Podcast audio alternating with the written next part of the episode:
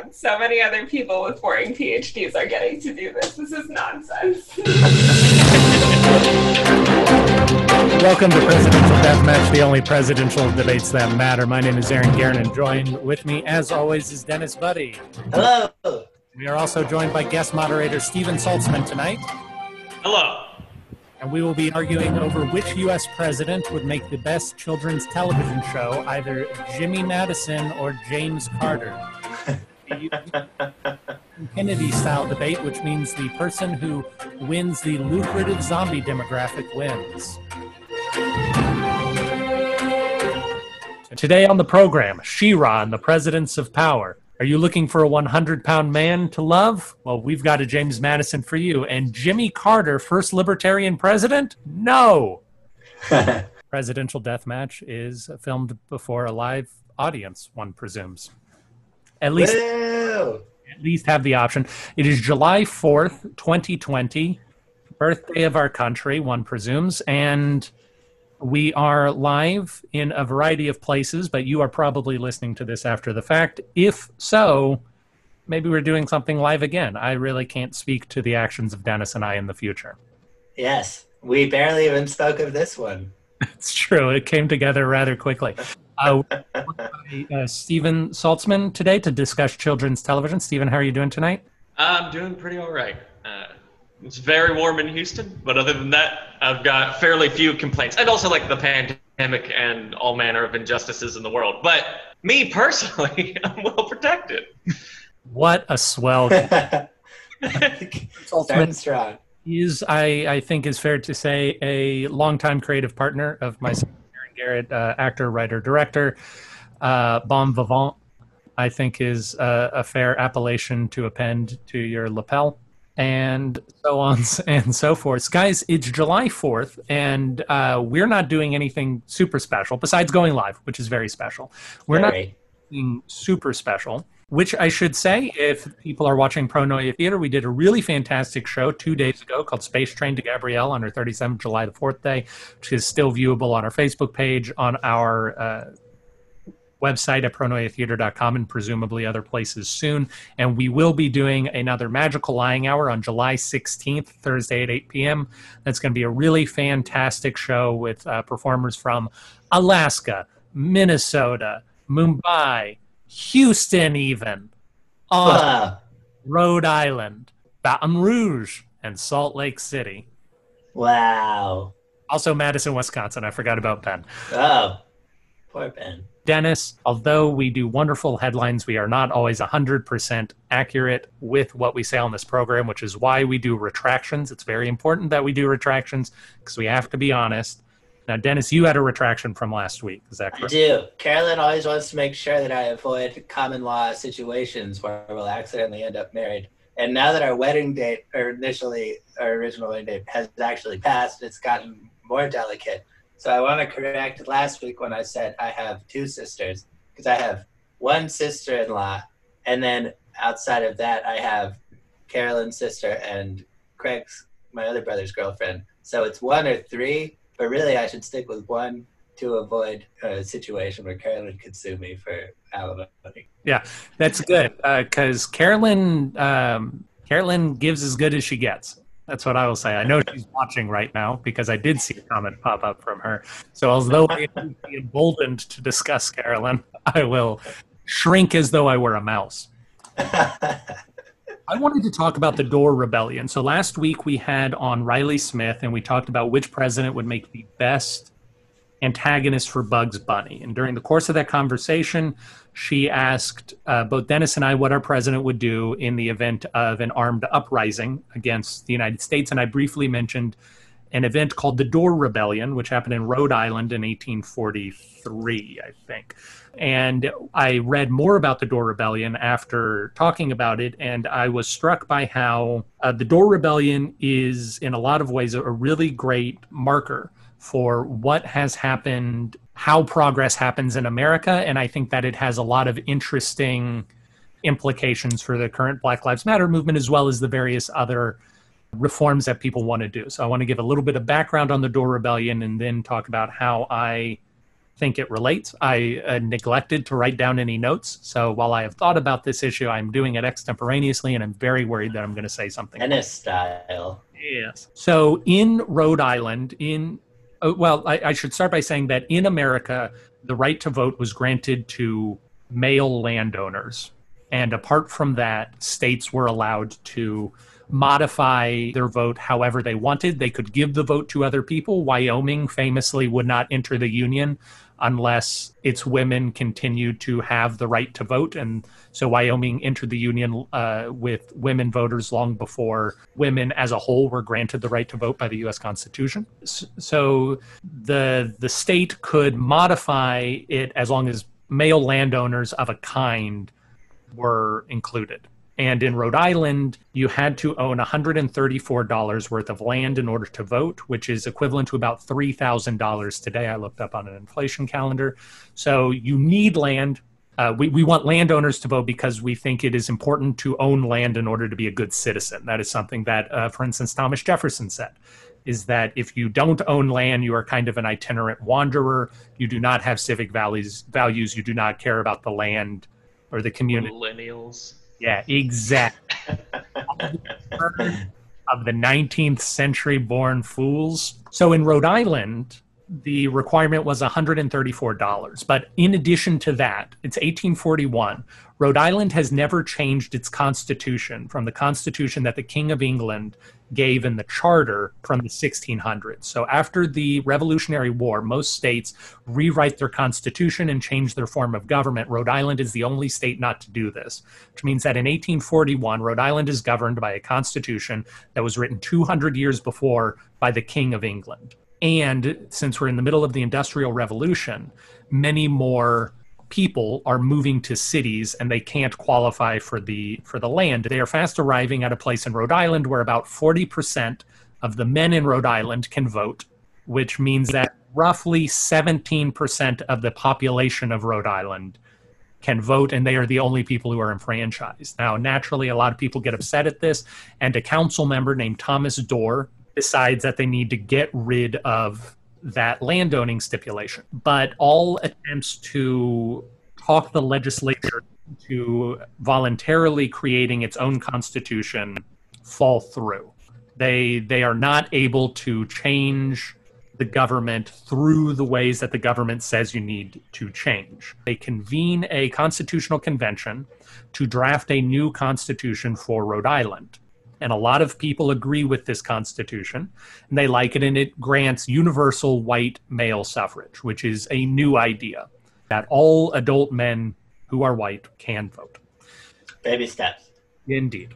Simultaneously, in order to try and head this off because uh, they view the document as too liberal, actually, I should also say, because it's going to connect to the other retraction, Thomas Dorr wanted to also give rights to black men, but poor farmers said, if you don't give us the right to vote before you give black people the right to vote, we're not going to support you. We need it first, which is a whole fun thing about people. Classic. To be expected. Yeah, classic is the word. That's what it is. Governor is upset that this happens, and so despite the fact that they passed, he declares the Dorrite Constitution void, and he puts the Charterite Constitution into effect Dorr gets angry and he holds his own election for governor, which he wins. and so Rhode Island is now saying that they have two governors, Charles uh, Thomas Dorr and a man whose name I forget, unfortunately, because I didn't take notes. They lead a charge. Eventually, uh, the militia is brought in. Dorr is chased out of the state. He is brought back into the state. He and four conspirators are charged with treason against Rhode Island. They are put in jail for life but people in Rhode Island, uh, this is 1844, he's put in jail for life. People in Rhode Island really liked his constitution and didn't want that to happen. So they raised such a ruckus that his sentence is commuted after a year, but Thomas Dorr stays out of the public eye from then on. Wow. Now, among the many interesting things, uh, one thing that I didn't say in the story is there is a point in between his constitution getting rejected by the governor, even though it was popularly voted on, and the other constitution going into effect. That people came to him, the government came to Thomas Dorr and said, Listen, we understand you're irritated. We understand we haven't done right by you. We can't do your constitution that goes too far. How about 70% of what you want? And he said, No, "W- I'm going to lead a revolution, which happened to uh, ruin his life and potentially prolong uh, the the aims and ideals he was fighting for. And I think that all the sorts of conversations we're having right now about to what extent is violence justified? Why aren't people going through the normal means of civic discourse? What is an acceptable amount of steps forward we can take at one time? Uh, the the story of the Dorr Rebellion feels very modern to me. It's interesting, and it this was in this was this wasn't modern. This was in the early days. Mm-hmm. Oh well, another thing that it glossed over a lot in American history is that rebellions were not uncommon. In fact, the Constitution of America was put in partially put into effect because of Shays' Rebellion, was a farmer rebellion uh, in the days of the Articles of Confederation. They said, well, clearly the federal government doesn't have enough power to uh, to enforce things, so we need to make a new constitution. And then there's also Harper's Ferry, which was a, a slave revolt. And then even a number of years ago in 2016, there was a militia that took over uh, a forest in Oregon like rebellions and armed rebellions not an uncommon thing from people who feel as though their voices are not being heard Sure. And then wasn't didn't you say one time that that constitution was parts of it were used to inspire like the federal constitution? Am I remembering that wrong? not not the state constitution no because the federal constitution was already in in effect by that Oh, this was after that. Okay. the u.s constitution drew heavily on the uh, Virg- virginia declaration of the rights of man which drew heavily on the i want to say iroquois federation Right. Sounds right. That's where I'm from. presidential deathmatch regrets the error. Dennis, we had a debate last week over uh, which president would be the best Bugs, Bugs Bunny agonist. You argued in favor of Andrew Johnson. I argued in favor of John Tyler. Currently, Andrew Johnson is in the lead. We're checking it a little bit early. Uh, So I feel like maybe uh, if we gave it another day, John Tyler would take his rightful place. And.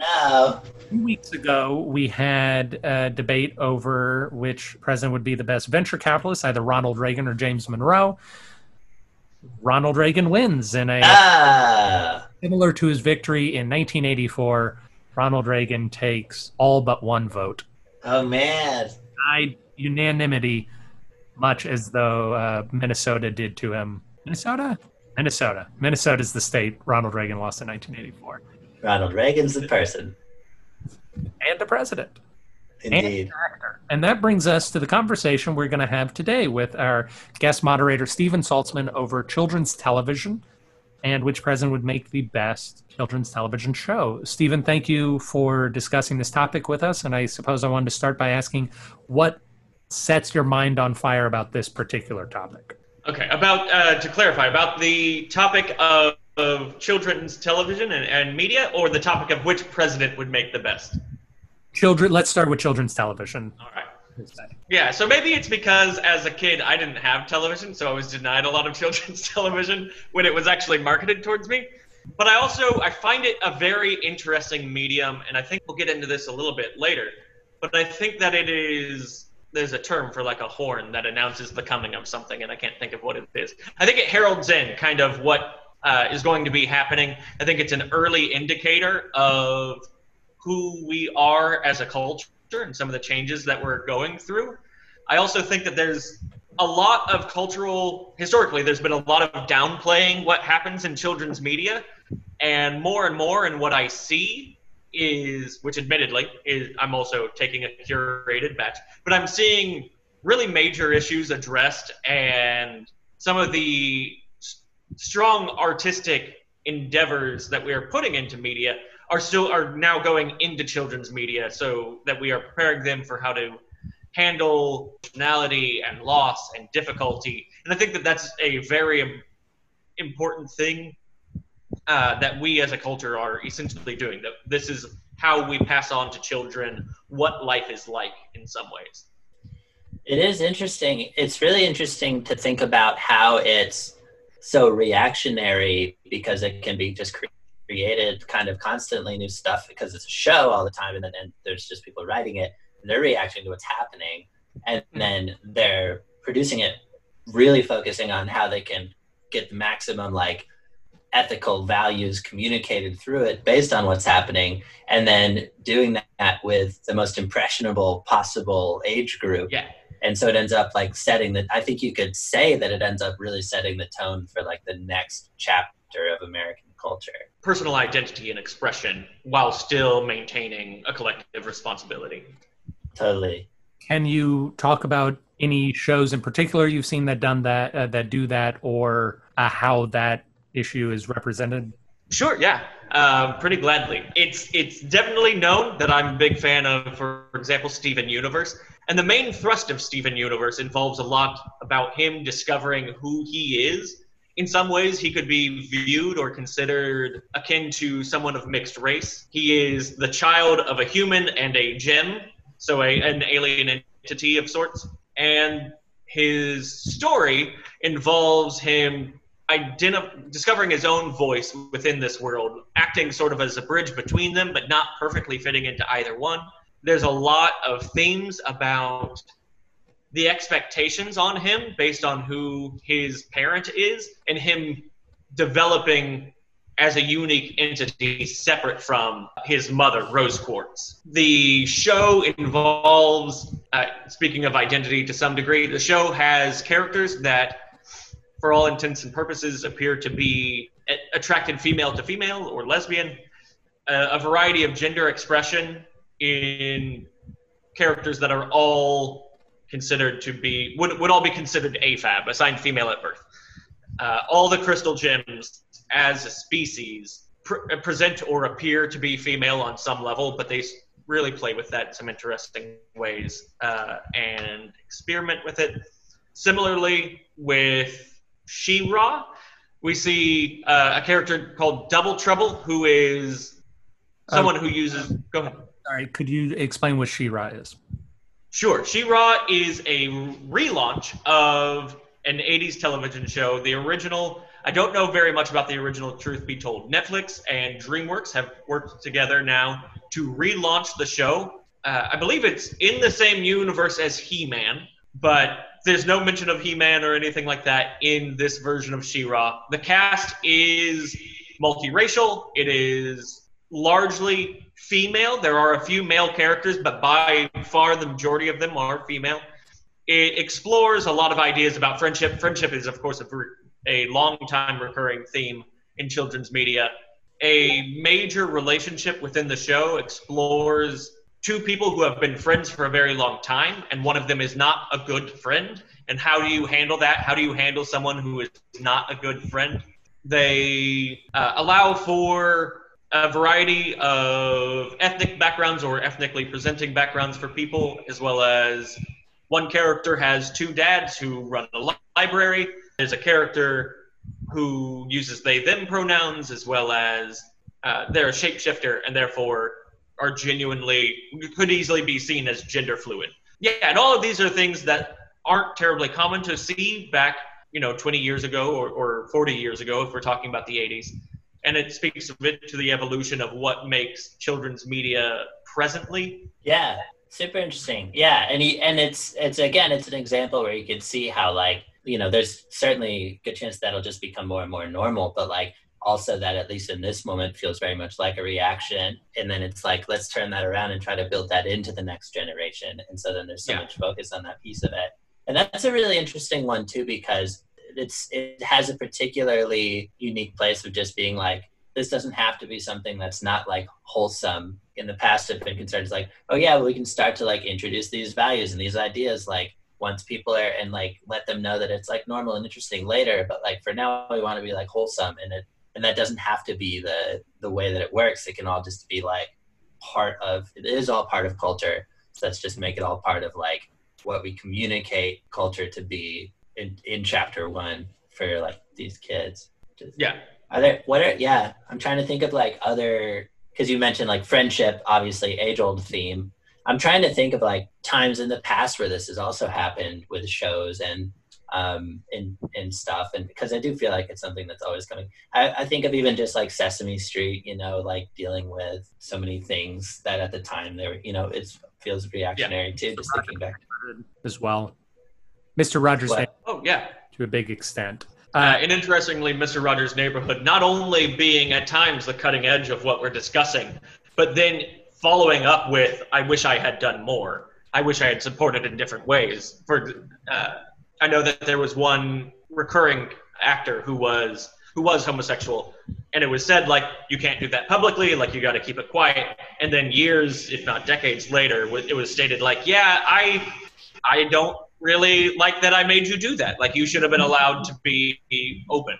That was as important as the success of the show. Fred rogers seems to specifically be a sort of producer who likes being the same like he he he didn't necessarily like the membrane a, a difference between himself and his work so oh, yes yes reminds me that if he came to a different understanding later on, that he would have wished that he had come to that different understanding earlier. Yes. Now that we have established what uh, children's why television's uh, television is important to you, what sort of themes you're looking for, why do you think it is important that a president be good at creating or crafting a show? Absolutely. The president here in the United States is often viewed as the quintessential leader of the nation. I mean, Hail to the Chief overtly says uh, he's the leader of our nation uh, very early on. And so, if you're going to lead, it's one thing to corral adults and guide them. However, I think that it's an interesting question to look at how a president could lead a nation, not with the goal of what they're doing in their own time, but how they're setting up the country for growth and progress moving forward.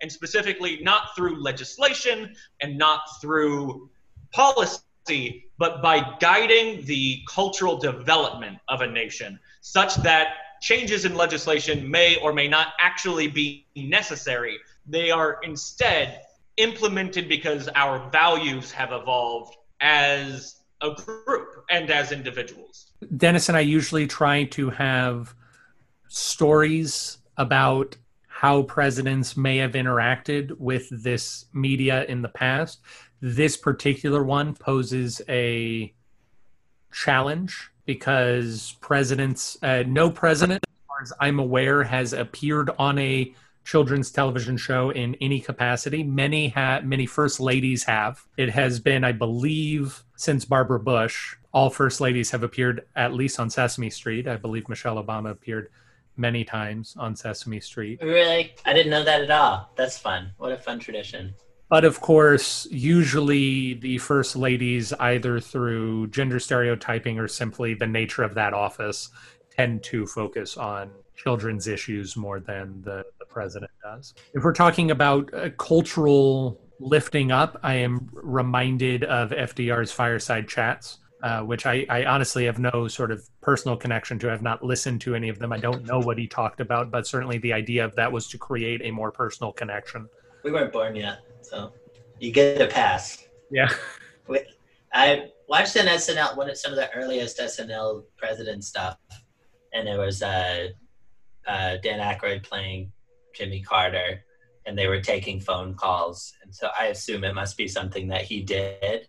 But the goof of the sketch was calls would come in, and uh, they would be, and after like the first one being a good question, they're like, okay, this is going well, like he, President Carter's really, you know, got an knack for this. And then the next question was like someone being like, I really can't get my fridge to, for some reason, it's just getting really warm and I can't get it to kind of kick back into action. And Jimmy Carter gives like incredibly detailed, advice, like steps on how to repair it and like has all these. You're stealing the arguments for. oh shoot! Sorry. we'll cut it out later. No. Oh wait! Oh no! Ah! I also think of the another SNL sketch with Ronald Reagan where there's children. And it's something where he's like taking pictures with Girl Scouts and he's like classic Reagan. Is that Ronald Reagan Mastermind is the name. But but that is not Steven is talking about uh, encouraging the uh, change of America through beginning a cultural idea. Um, sort of how like my wife is really into environmentalism because she watched Captain Planet as a child and so the, the, the images and the emotions of Captain Planet have pushed her through. And I don't know right. that any president has specifically tried to do that. Uh, there is a, this is not a president anecdote necessarily, but there is at least an anecdote from Nathaniel Hawthorne, who was a writer in the 1800s, who uh, just in one of his journal entries, he's talking about like, my wife dropped my son off while I was working at the cabin. Uh, he's been here a couple of days. We've talked a few times. I really don't know what it. Shouldn't he just go off and do something on his own? Just that there was a, a pretty uh, present idea that, like, we didn't have an idea of childhood until the early 1900s. Before then, children were just useless adults, and they Yeah. for themselves, not fend for themselves, but their their intellectual upbringing was not particularly uh, relevant or of note. And I don't Right. think that, with again the exception of Lyndon Johnson, continue my campaign to say is the only president who ever cared about poor people. He did specifically want to put in a lot of education. Uh, And children. Poor people and children. yeah, and uh, Well, children are just poor people of diminutive size. Who's ever met a rich child? well, Dennis, I believe you had a question for us. Indeed. Well, so Steven was saying Steven Universe, it seems like probably your top, one of your kind of top shows in this category. Yeah, one of them. I was curious, um, yeah, what some others are, and then also Aaron, if what your what yours is. And for me, it's so I looked up some about a show that uh never comes up unless I bring it up, which happens. And it was from it ran from like 2000 to 2004, and it was, it was called The Weekenders. I learned it unseated uh, Pokemon after Pokemon was like the number one show for like eight years or something. It was the it was the first show that was number one other than Pokemon um, for a long. Weekenders back and forth to each other on occasion. Huh? My father and I will quote Weekenders back and forth to each other. Really? What what what part? Uh, there's an episode where Tito, of course our main character in the Weekenders, his mother, and I don't know if his mother ever had a name outside of mom or Tito's mom, but his mom, Tito's going to his mom for advice because he probably had a fight with Carter or something. I mean, we all know Weekenders. We don't have to. Had a fight of some kind and he tried to go home and he wanted to talk to his mom but his mom was gone and he had a message. And he hit play on the message and his mom said uh, like hey tito sorry i had to go uh, go somewhere. I, I had to go into work or something. And he's like oh man I, I really i really wanted to ask her opinion on this situation. And she said oh by the way this is what you should do about this situation blah blah blah blah blah. And he's like oh okay. What am i gonna have for dinner? And she's like uh, there's a pizza in the freezer. Bake it. And he's like uh, and then he does he like looks around and he picks something up and she says put it down. And, and then he says well now i'm freaked out. And then his mom goes don't be freaked out. Uh, so my father and i at the very least will shout don't be freaked out to one another awesome. and then uh, i also really enjoyed uh, just all the pizza places Yeah, yeah. It always it's always just gone out of business and is has is a completely new theme. uh, so Uh, I interrupted your discussion about the weekenders with my own no. I'm I'm glad that you, someone else connected with the show. Yeah, it's a Saturday morning cartoon. The only other yeah, what was that? Oh, there was one episode that resonated with me. I remember as a kid where they were they're 13 minute episodes and one and a half minute opening credits. So brief, but the um, he like uh, has someone at school who doesn't like him, and he really he wants he's like oh that guy's never really liked me or whatever, and then re- realizes oh it's because in kindergarten like I accidentally spilled milk on him and he thought it was on purpose. So he spends the episode trying to get to the dude to like kind of explain to him what happened and figure it out and everything. And at the end, he explains to the dude like, "Oh, like I'm so like that was an accident. Like you should know. Like we you don't have to not like me." And the other kid says, "Okay, I still don't really like you. Like I just don't like your vibe." And he's like, "What? But I didn't do anything wrong." And he's like, "That's okay. Like we can just be two people who don't, you know, like who don't get along and still coexist." And uh, that was a message that always stuck with me, I think. And I thought it was an interestingly, surprisingly complicated message for an 11 and a half minute episode of children's animated television. Yeah, that's a it's a very interesting thing and something that I think again culturally is something we, we could use growth in that area. That one, there's a difference between not like and dislike, and two, that like, yeah, you you don't have to get along with everybody. You don't have to like a, a mutual do no harm is plenty at times. Yeah. Steven, you like Steven Universe? You like She? What other children's television show? are you enamored All with? right. So this one is not quite as modern, but no, especially given recent events, no conversation about children's media and how important it is uh, should be complete in this day and age without mentioning Avatar: The Last Airbender. Ah. True. what was the shaking your head? No. Conversations with you do I have to have that on the last Airbender? hey, yeah. ask an obvious question, you get an obvious answer. Um, yeah, Avatar: The Last Airbender. I think that it did a lot of things that are very interesting. Could be spoken to in terms of efficacy. One, that they went in, they were like, we got three seasons. This is our show arc. This is our story. We're gonna go in. It was wildly popular, and they went, nope, that's our story, and they got out. Very uncommon in television at large and children's media as well. The spin-off Legend of Korra is wildly underrated. It is phenomenal. Uh, I often say that of people who like only one or the other, Legend or Avatar: The Last Airbender is a very easy one to support because it involves a system that we already disagree with changing to be more like one that we live in now, so it feels good. Yay, they're a little bit more like us. Whereas Legend of Korra takes issues that we're dealing with now and imagines a world that is better, and people don't like it. but I, I really admire the the original creators there. One for creating Avatar: The Last Airbender as a con- entire piece, and the way they still they they told it, and the emotional complexities of their characters, and then for them to go on later and be like, yes, but also let's keep pushing this envelope in new ways and exciting ways. Both of those absolutely up there. yeah. Korra. Classics. I probably should have written these down first. Yeah, there's so much to learn as a writer with that with with those shows. Even as Yeah. an adult writer, you know, as an adult anything. Um, oh, Gravity Falls. I love me some Gravity Falls. Are you familiar? Disney, Uh, Disney TV. Uh, Gravity Falls involves uh, a pair of twins, I believe, certainly siblings, who go and they live with their great uncle Stan or Grunkle Stan in a wooded area that is plagued by all manner of mysterious events Fun. Their uncle runs a tourist trap basically that kind of advertises that all these things are happening but he has no faith in it and then the children are exposed to all of these things. A very different vibe would be um, hilda. Hilda is based off of a series of children's stories out of norway?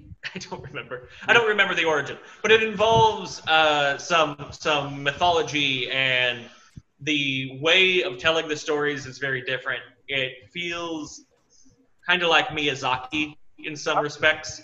Uh, spirits that transform size and shape, as well as uh, giants. A, a little wood man who delivers firewood but will walk right into your living room, like like a puppet size. Okay. But yeah, he just like he'll just put he just walks into your living room and he's like, no, this is where I am. I'm so sorry. This is where I'm staying.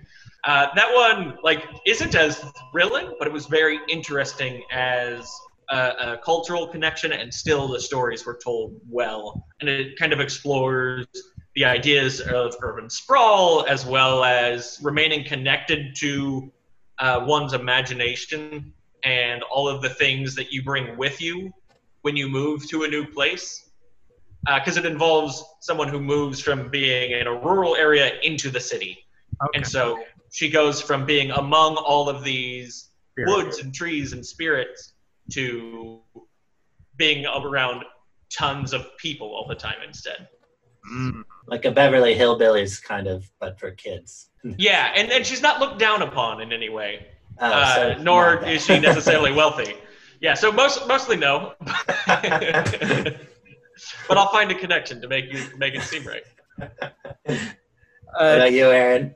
There's a show I watched a lot as a kid that I think had, uh, now looking back, had an outsized influence on both my and my comedy. Um, it- Yeah. is a show for children called Hysteria, which was just historical comedy sketches. Uh, exploring exploring history. There's a lot of president stuff in there. Abraham Lincoln as Seinfeld is pretty popular one. sketch that's doing green eggs and ham, but with President George H. W. Bush and broccoli, and just a lot of a lot of characters. I really enjoyed that. Digimon was a show that I was very much obsessed with as a child. Which, if you are unfamiliar, a lot of people take it as a pale imitation of Pokemon, and those people are fools what Digimon is about is at least the original series is about a whole bunch of children who are thrown into an area where they have to fend for themselves.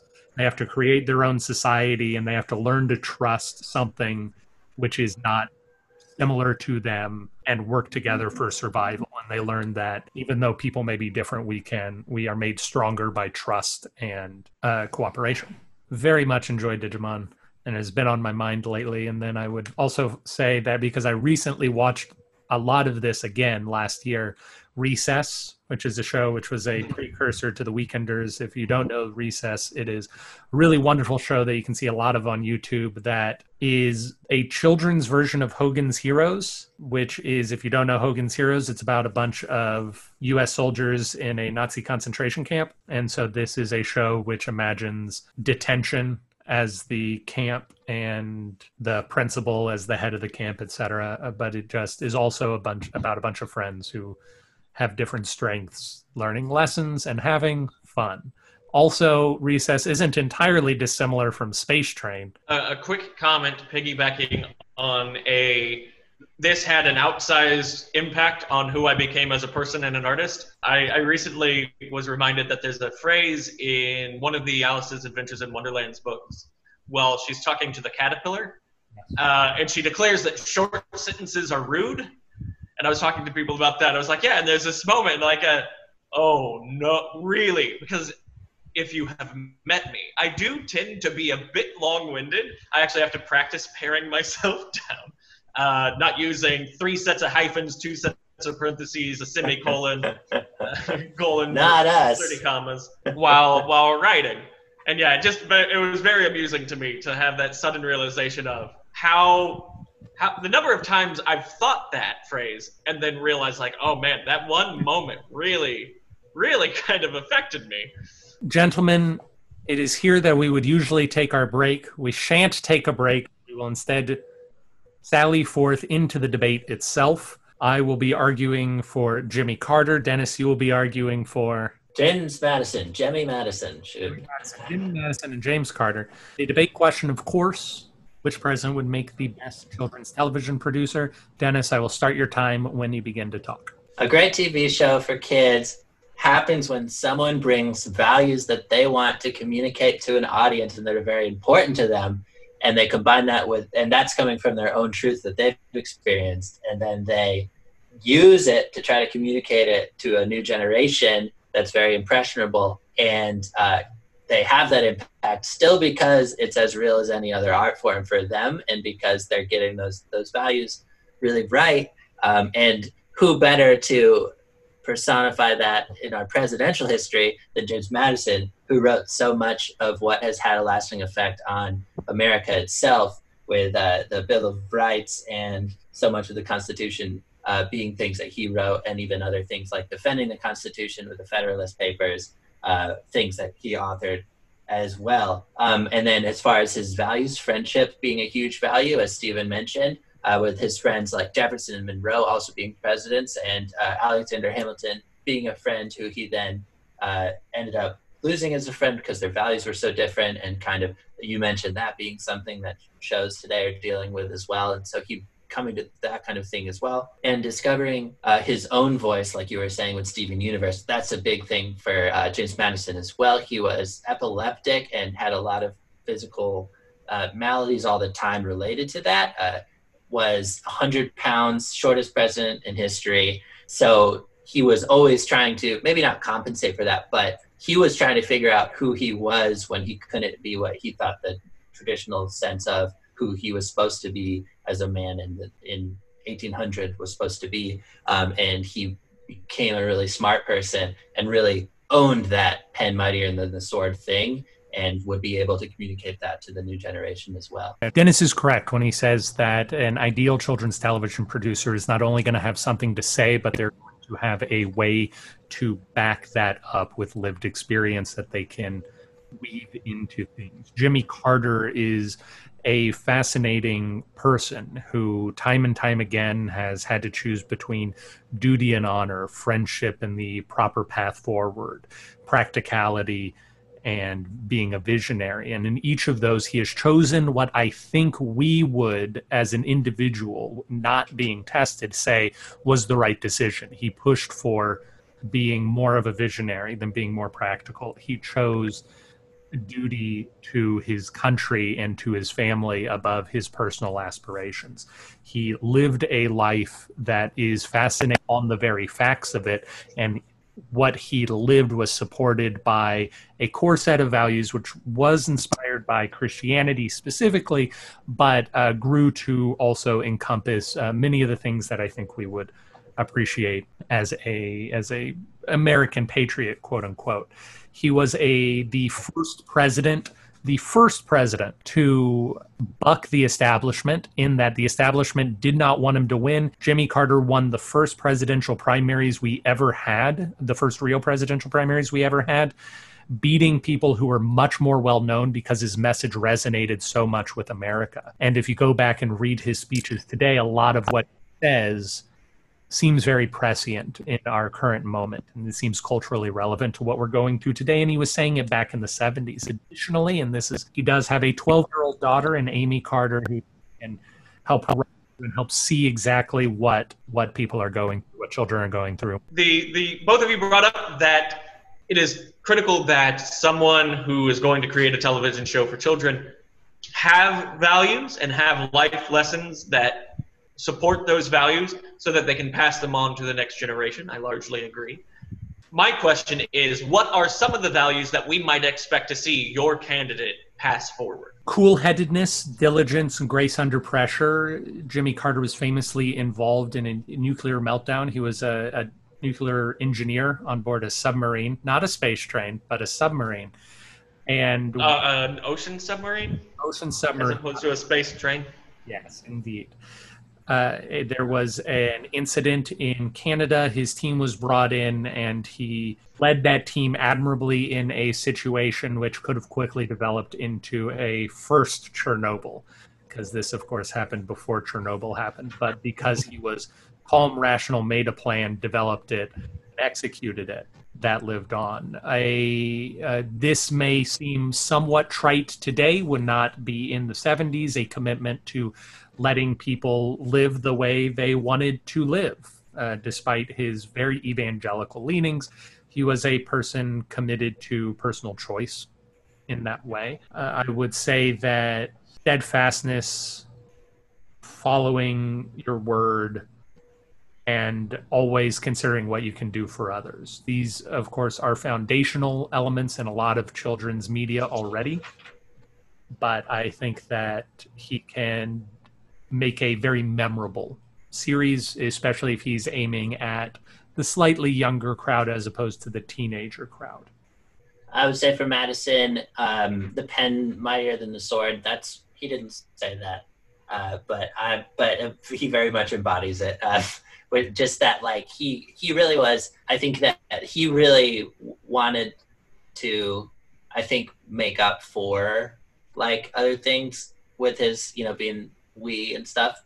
Uh, but like also just I think as a result, like really felt that like he could create that value through writing, especially reason and philosophy and all that stuff. And uh, he also he has a quote which I can't remember exactly what it was, but just talking about how like if you don't properly educate everyone, then there will be huge conflicts and like and like so he was a huge proponent of making sure that there was good education set up in America. So I think that he would big time be wanting to like bring that into the show and and the value of getting educated too. Um, he also feared building up too much of a defense against international powers because he said that building up a deep, big building up, putting investing huge amounts in your if I'm understanding correctly, investing huge amounts in your army, essentially your defense, is going to end up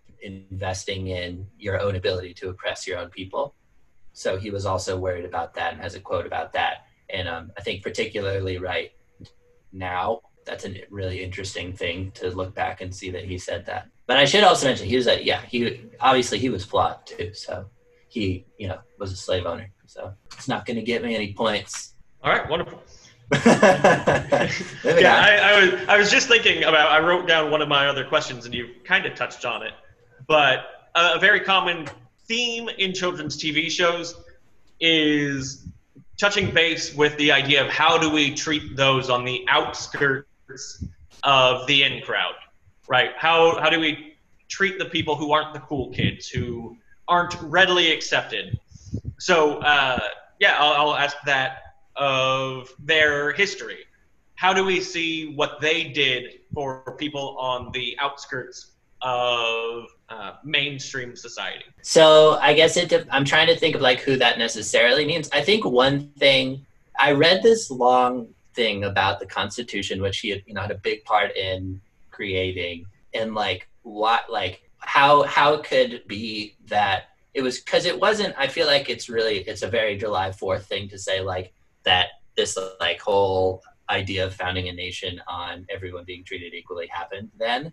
But there is some like there, at least on some level that is that idea was no that's what we're doing. And like on july 4th like 25000 some slaves were just like freed in virginia because virginians were like oh like we're just doing and that was like a tiny percent. But like people were feeling like they got that that's what what the, the overwhelming sentiment was. And that was his whole that was you know what madison wanted and he didn't he could have definitely done more. So he himself was taking a baby step there but he recognized that that was what he thought the future could really be was a place where everyone got that same treatment. I probably i mean insofar as he was able to conceptualize but um the uh yeah i forgot the question. Uh I, I think you mostly spoke on on topic. The question was yes. simply, how did your candidate relate to those on the outskirts of mainstream society? Yeah. And of sure. course, there's potentially extreme examples that are not, uh, arguably, are not the outskirts uh, due to active oppression. But yeah, I think that at least in the scripts that he would write if he was creating the show, he would be doing everything he could to communicate that you should be treating everyone with the same respect. I think that in his own life, it was less that, sometimes less that way, but also it was something he believed. Jimmy Carter, at the at the very least, was a signed three big deregulation acts, which I think does a I personally believe puts uh, a lot of power back into people. It, it, takes money out of situations. So he deregulated the brewing industry and deregulated the airline industry. I forget what the third industry he deregulated, but this allows people who perhaps don't have the same moneyed interest to be able to compete. Uh, we can draw a direct line from Jimmy Carter deregulating the beer industry to the proliferation of craft beer today he, he allowed that to happen. He allowed that creativity to ferment. Um, uh, Jimmy Carter is simply a person who lives his principles. He he very much is in that old Christian mindset of uh, like not directly oppressing people, not directly attacking people, but he will disassociate with groups that he believes is not sharing a commitment to equality. He cut ties with the Baptist Church, I believe, for their stance on uh, women pastors and, and what roles women could hold within the church structure. And he, of course, puts his money where his mouth is when it comes to curing diseases and building homes all over the world. This is, it potentially points to a person who is not willing to sign legislation in order to force everyone to treat somebody a certain way, but he is a person who is willing to stand up and say, This is the way people should be treated. And if you're not going to do it of your own volition, then I do not need to associate with you. And also, this is something that should be happening. And so I am going to do it. And I'm not going to wait for someone else to, to aid these people. He's pretty li- like libertarian as presidents go. No, Oh no. no not at all. But arguments I made for him are. I was just curious. Clever. I was just saying. So I realized we're kind of doing. Uh, we're kind of doing Mr. Rogers' Neighborhood versus Schoolhouse Rock. That's almost what this. I was in my preparation. I was imagining Jimmy Carter essentially just making VeggieTales, but it's peanut in a peach instead of it. A peanut. Peanut in a peach. Uh, Steven, I think we have time for one more question. If you have another question, Well, I have like four or five, but we'll go with this one because I think it'll be. we, we can do a lightning round. We are just at time. No, no, I, I, I want a full answer on this last one. Okay. Uh, so, I don't know how familiar you are with monster theory, but it's the idea that the monsters we see in our media are reflections of our own fears as people or, or as a culture. And so, in your president's children's television show, what type of bad guy might we see? Common themes being great big all powerful evil, or zombie hordes, or uh, foreign high, highly educated doctors who shoot lightning from their hands, what have you. So, what sort of villain or monster might we see in your president's television show, and potentially why you believe that would be it? I think that Jimmy Carter's monster is going to be evil, evil. Uh, they're going to be malevolent poltergeists or spirits that can move through and take over a relatively well meaning person and turn their ideas towards feeling uh, better than, feeling more important, feeling as though you can take more than you need because you deserve to have all of these things, uh, to erode the communal bond and the idea of pitching in for one's community. And I think that we can see uh, in his, uh, again, old Christian mindset, which is rooted in the idea of providing for one's community. We may or may not argue about whether they are drawing the circle of that community too small, but that is uh, that is what they teach, and we can see that in the way that he originally pitched his message to the American people is one of being together, one of they there is no rural or urban. There is the people in urban centers are doing things that are necessary. The people in rural centers are doing things that are necessary and we are of equal nobility. So i think he would find something that disrupts that idea of equal nobility. I'd say for Madison, thinking on that personal level, I think it's going to be someone who always physically overpowers people and runs their circle because of that, and probably always is getting the girl. Um, he really he was very damaged by. Uh, he got he got engaged and then and uh, and then this girl left left him uh, pretty quickly. Maybe because weighed well over a hundred pounds. yes, probably.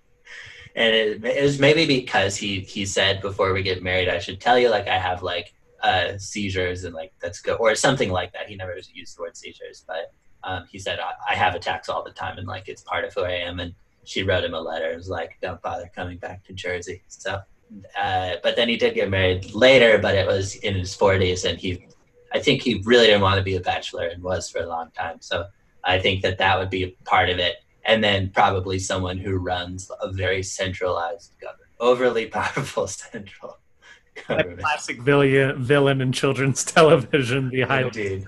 government monster A manipulative Uh, That's dictator. basically what She-Ra is about. good Uh, yeah, a Hordak and the Horde ah, versus. Although they're versus the princesses of power, so it's a real. Yeah, that's tough. Because now we're starting to seem as though the, the princesses have a hereditary title, and the horde though people trying to take control and destiny for themselves.